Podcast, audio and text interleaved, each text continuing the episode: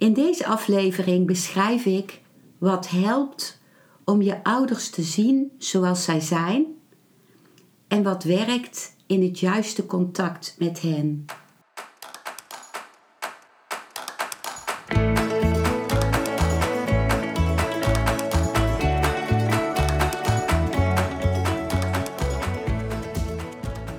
Welkom bij een nieuwe aflevering van Modita's podcast Van Pijn naar Zijn. De podcast waarin ik je meeneem voorbij de pijn in je leven naar wie je diep van binnen bent. Hoe kun je beter omgaan met je gevoelens?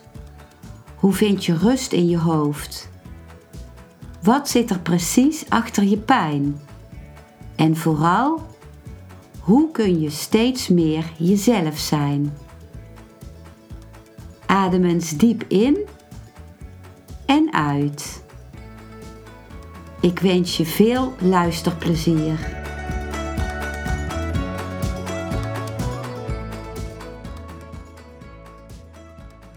Elk kind verlangt er ten diepste naar om helemaal gezien te worden door de ouders. En het kind is, uh, als het geboren wordt, ook nog niet uh, rijp, ook lichamelijk nog niet rijp. Zoals bijvoorbeeld dieren die meteen uh, al na de geboorte opstaan en weg kunnen lopen en zelf um, de tepel van de moeder kunnen zoeken. Dus die zijn al veel rijper. Maar bij het mensenkind is dat niet zo, omdat als het kind langer in de baarmoeder zou blijven om helemaal uh, voluit uit te rijpen, dan zou het hoofd te groot zijn geworden om nog door het geboortekanaal te kunnen. Dus het kind is heel afhankelijk van de ouders, maar ook emotioneel gezien heeft het echt nodig om gezien te worden en om ook emotioneel gevoed te worden. En de ouders zijn ook maar mensen, met hun imperfecties ook. En ze hebben heel veel gegeven, alleen al door het leven te geven. Voor de vrouw betekent dat ook op risico van eigen leven. Elke geboorte is een uh, levensbedreigend iets voor een vrouw. Ook al is de sterfte in het kraambed in onze tijd minder dan in vroegere tijden. En de vrouw heeft het kind negen maanden gedragen. En de vader heeft zijn best gedaan vaak om te zorgen dat het, uh, de familie genoeg eten had en huisvesting had. En in deze tijd de vrouw ook vaak. Maar de ouders hebben zelf ook heel vaak niet emotioneel de voeding gekregen die zij nodig hadden. En dan is er ook een onvermogen om dat wat ze zelf niet ontvangen hebben aan hun kind te kunnen geven. En dat doet pijn.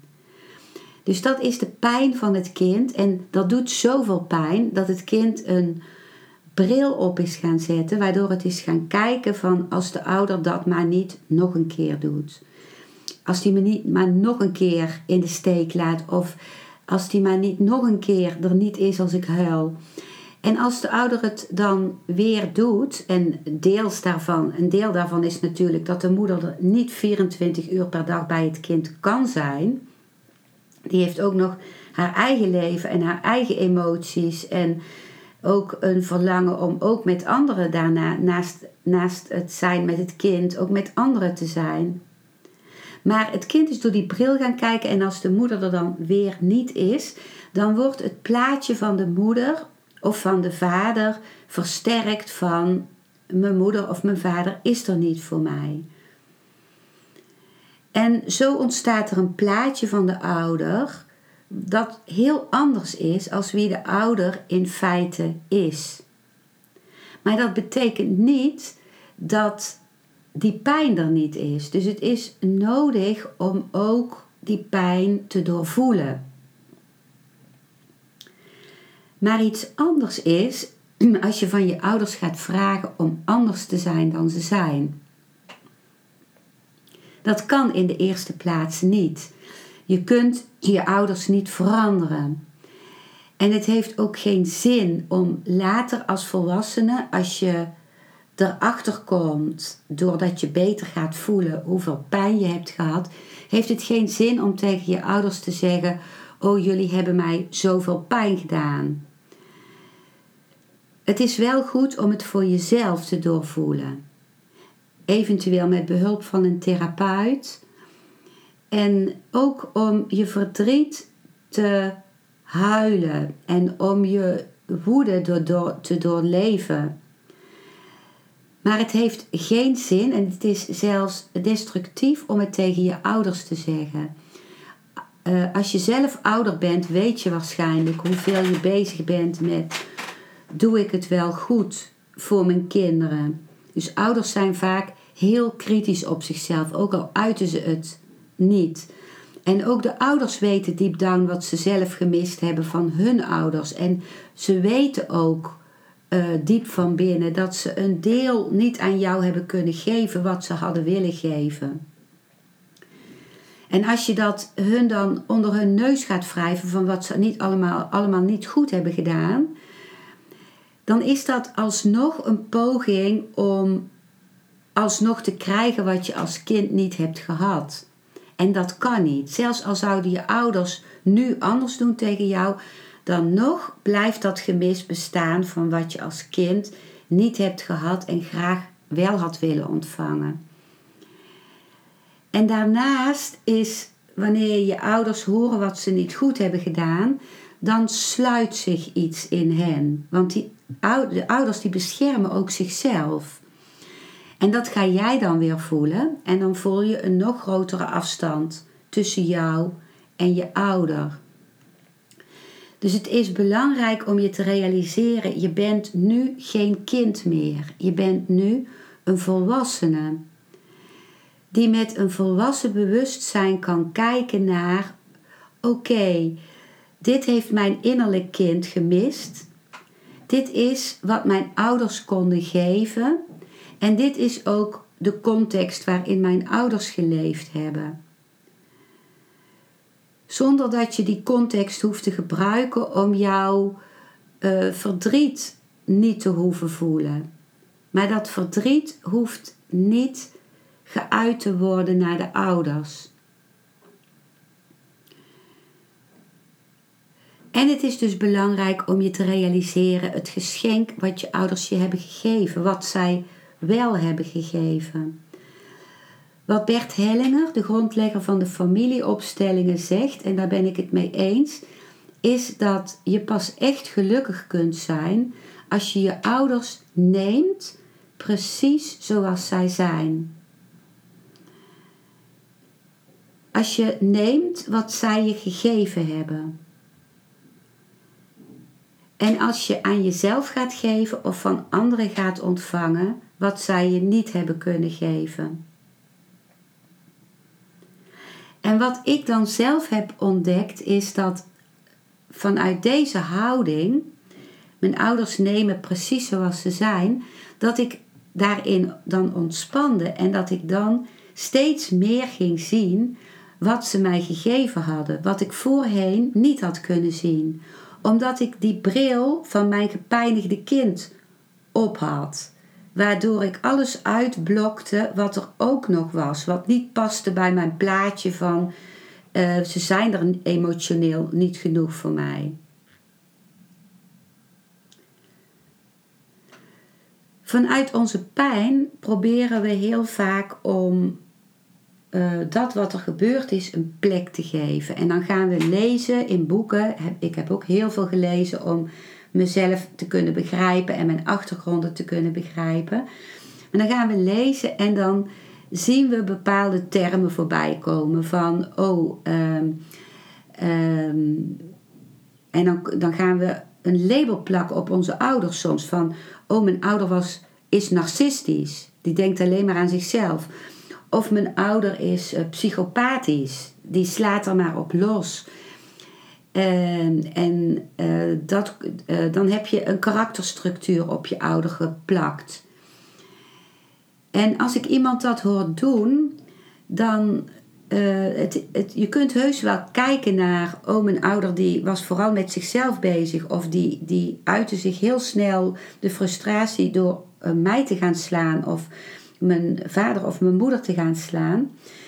Maar als je zo'n label gaat plakken, dan zit daar een hele grote veroordeling in, die ook de lading niet dekt. Want je kent niet alle invloeden die op jouw ouders hebben ingewerkt. Jouw ouder draagt weer heel veel van het eigen familiesysteem en van de cultuur. En zeker in ehm, een generatie eerder de invloed van de kerk.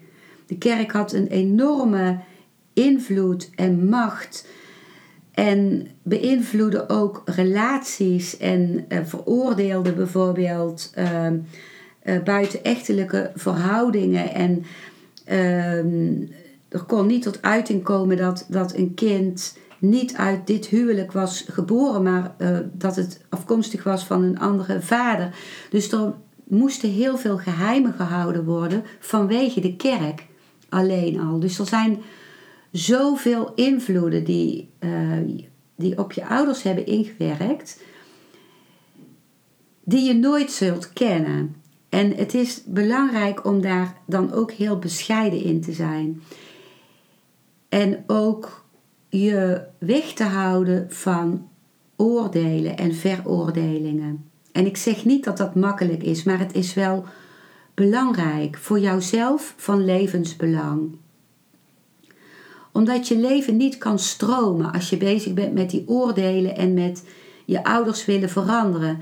Dan blijf je achter je rug omkijken naar je familie van herkomst en heb je zelf niet de energie om bezig te zijn met jouw kinderen. Of als je geen kinderen hebt met jouw werk of jouw project. Want daar heb je eenvoudig de, de ruimte en de energie niet voor.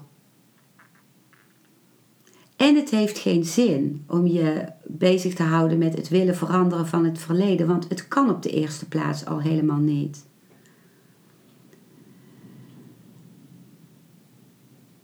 En uh, het kan ook, wat ook vaak heel pijnlijk is voor iemand, en dat herken ik zelf ook, is dat wanneer de ouder, in mijn geval mijn moeder, niet echt blij kon zijn met mijn blijdschap. En dat kwam omdat zij zelf ook niet voluit blij kon zijn. Wil niet zeggen dat ze niet van bepaalde dingen kon genieten.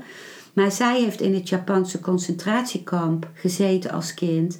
En heeft daar zoveel kinderen en ook volwassenen zien sterven waarbij een soort schuldgevoel ontstaat van waarom leef ik wel en zij niet, dan kun je niet voluit blij zijn, omdat dat het verbreken zou zijn van de loyaliteit naar diegenen die, uh, die daar gestorven zijn, als voorbeeld. Uh, dus vanuit die situatie, vanuit die staat van zijn, kan een ouder jou niet ontmoeten in jouw blijdschap. Want die voelt dan dat als jij blij bent en de ouder zelf niet, dat er geen verbinding meer is. En wat je dan als kind vaak gaat doen, is je blijdschap onderdrukken. Om te kunnen blijven levelen eh, op hetzelfde uh, energieniveau te kunnen zijn als je ouder, om je ouder maar niet te verliezen. En als je dan als volwassene gaat zien van hé, hey, maar ik wil wel blij zijn, dan vergt dat ook de moed om alleen te kunnen staan daarin. Omdat je ouder hierin dan in dit geval niet bij je kan zijn. En daarbij helpt weer meditatie. In ieder geval voor mij is dat zo. Meditatie geeft een anker, geeft je een verbinding met jezelf, met jouw wezen, met wie jij diep van binnen bent. En daarvoor, om, daar, om dat te zijn en daar te zijn, om jouw uniekheid te leven, heb je je ouders niet nodig. Terwijl je tegelijkertijd je leven te danken hebt aan je ouders en ook het succes in jouw leven te danken hebt aan je ouders. Veel mensen proberen succesvoller te zijn dan hun ouders. En een gevolg daarvan is vaak burn-out. Heel vaak zie ik in familieopstellingen dat daar een achterliggende gedachte is van ik wil het beter doen dan mijn ouder. En je kunt het nooit beter doen dan je ouder. Ook al heb jij succes in je werk of in je relatie of in je, uh, in je uh, gelukkig zijn, dan nog is dat te danken aan je ouders. Je ouders hebben daar het voorwerk voor gedaan. Die hebben weer dingen verwerkt die ze meegemaakt hebben aan hun ouders en voorouders. En wanneer je die houding hebt, dat jouw succes te danken is aan je ouders, en natuurlijk voor een stuk ook aan jezelf, dan kan je leven stromen.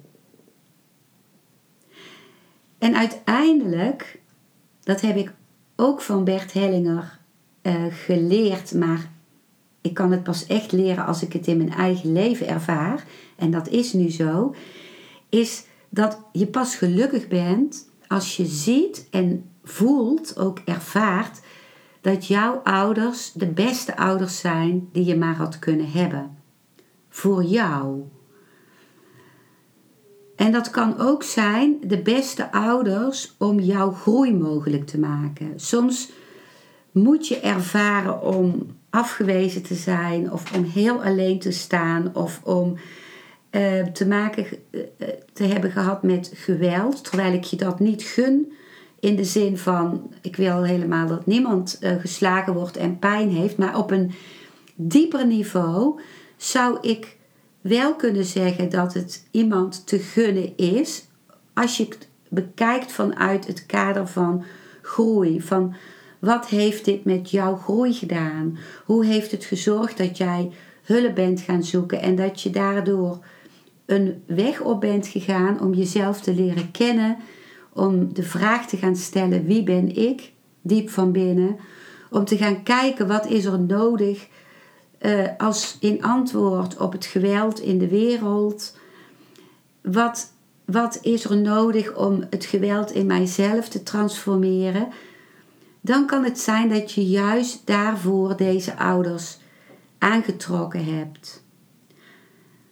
Als ik, ehm, als mijn moeder niet in het concentratiekamp was geweest en ik de pijn had gevoeld van mijn moeder, maar ook de kracht waar, waarmee zij overleefd heeft en waarin zij uh, onrecht in de wereld tegemoet trad, dan was ik niet op de weg gegaan die ik nu ben gegaan om steeds dieper te willen komen bij wie ik in wezen ben.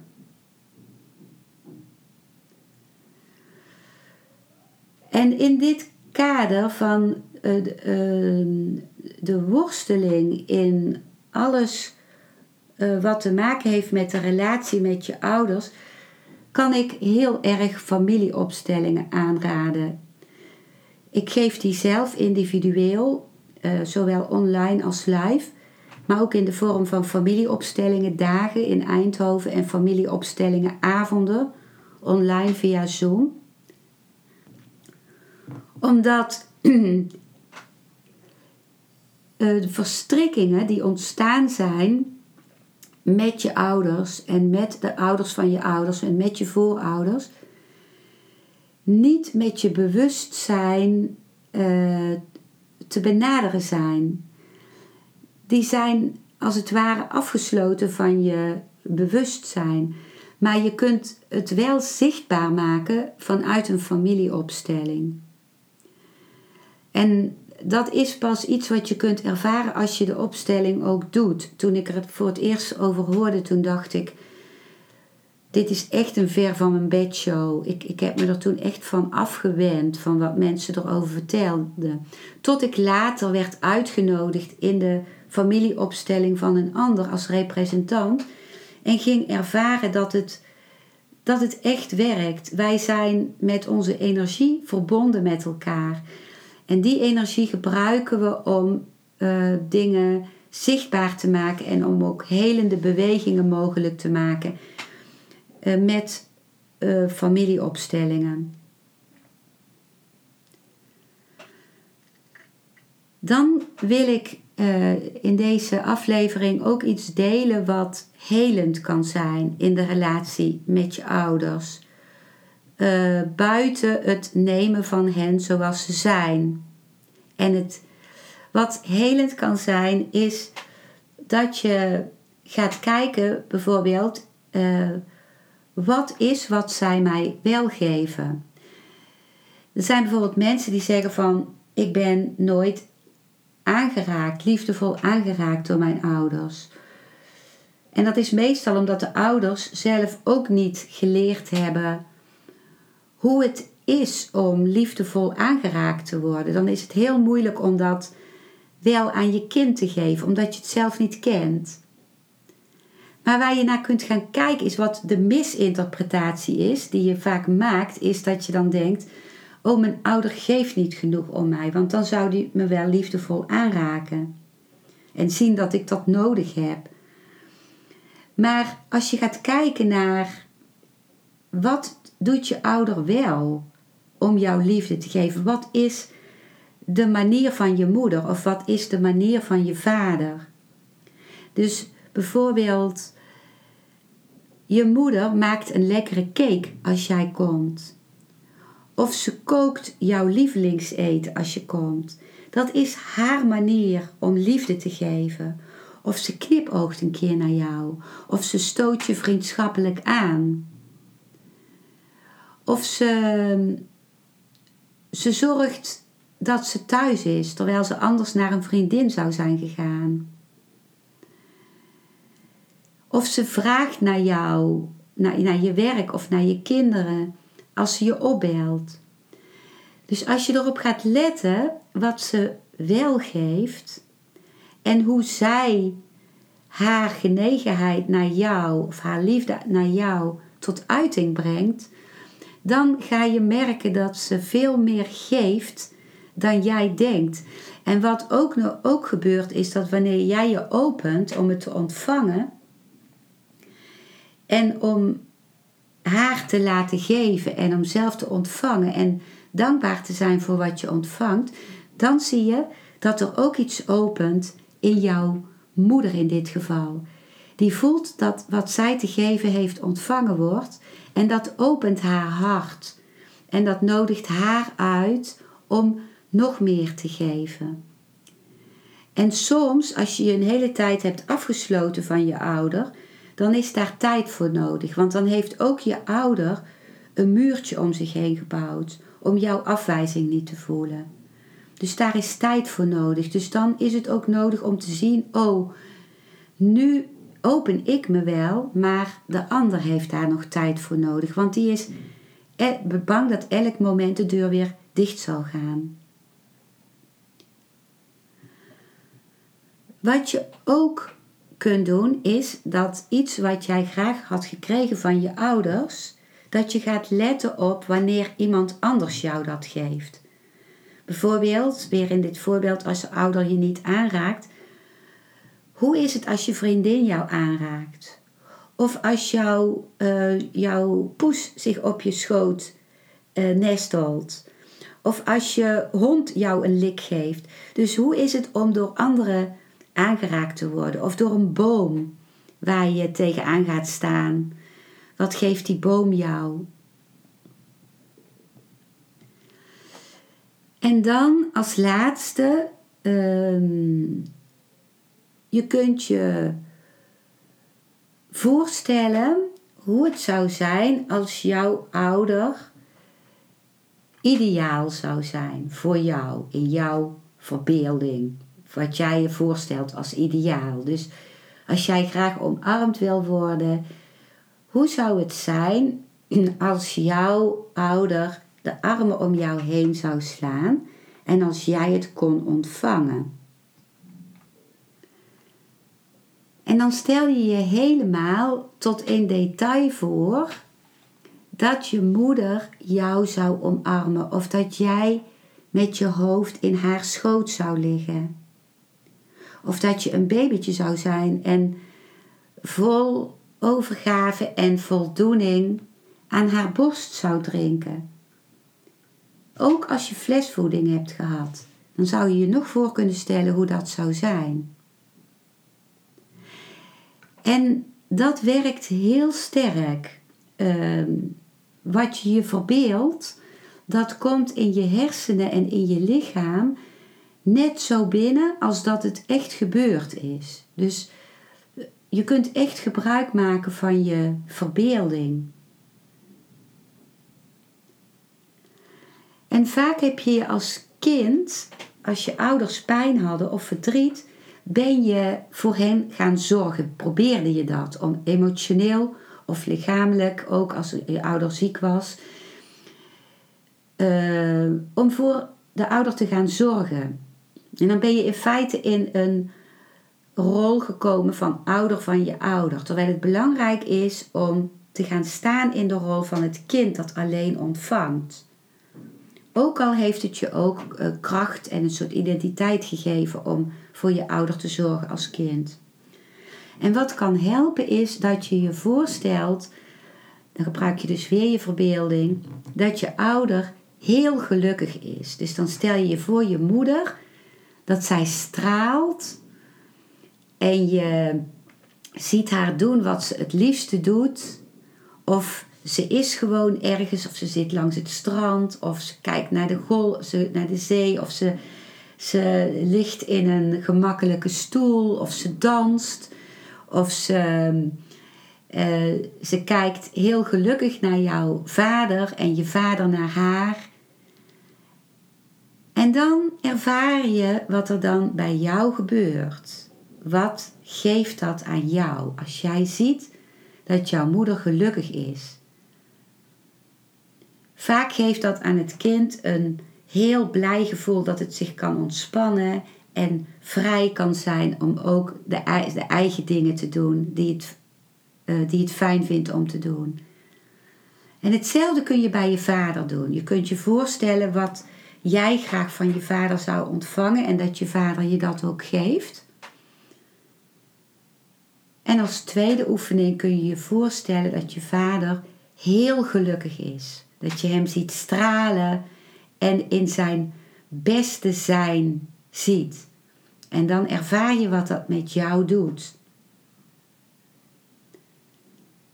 En dat is natuurlijk veel te snel om dat allemaal te doen als je naar deze aflevering aan het luisteren bent. Dus dan nodig ik je ook echt uit om, ehm, om nog eens te luisteren als je dit wilt ervaren. En om dan de, ehm, de podcast te stoppen. Om genoeg tijd te hebben om dit te doen.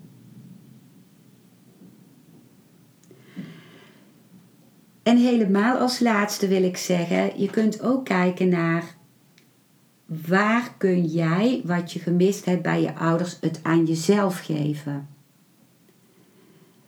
Dus je kunt je voorstellen dat jij de volwassene bent die het kind in jou troost, motiveert, uh, beschermt, uh, in het kind gelooft.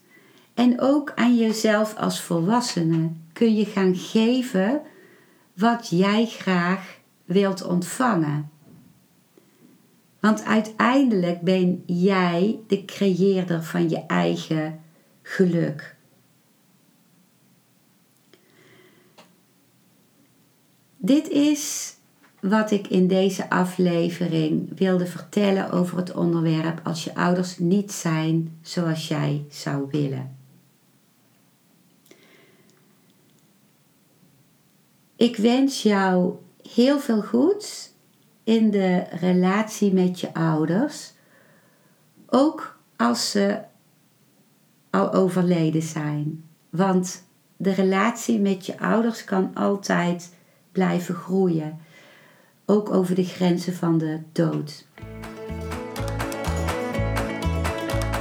Dankjewel voor het luisteren naar deze aflevering. Ik hoop dat hij je een nieuw inzicht of perspectief heeft gegeven. Ik hou van interactie, dus als je iets wilt delen, stuur me dan een mailtje op info@genietenvanmeditatie.nl. Ik geef je dan altijd antwoord. Ik wens jou dat je vreugde in het dagelijks leven zult ervaren en innerlijke rust.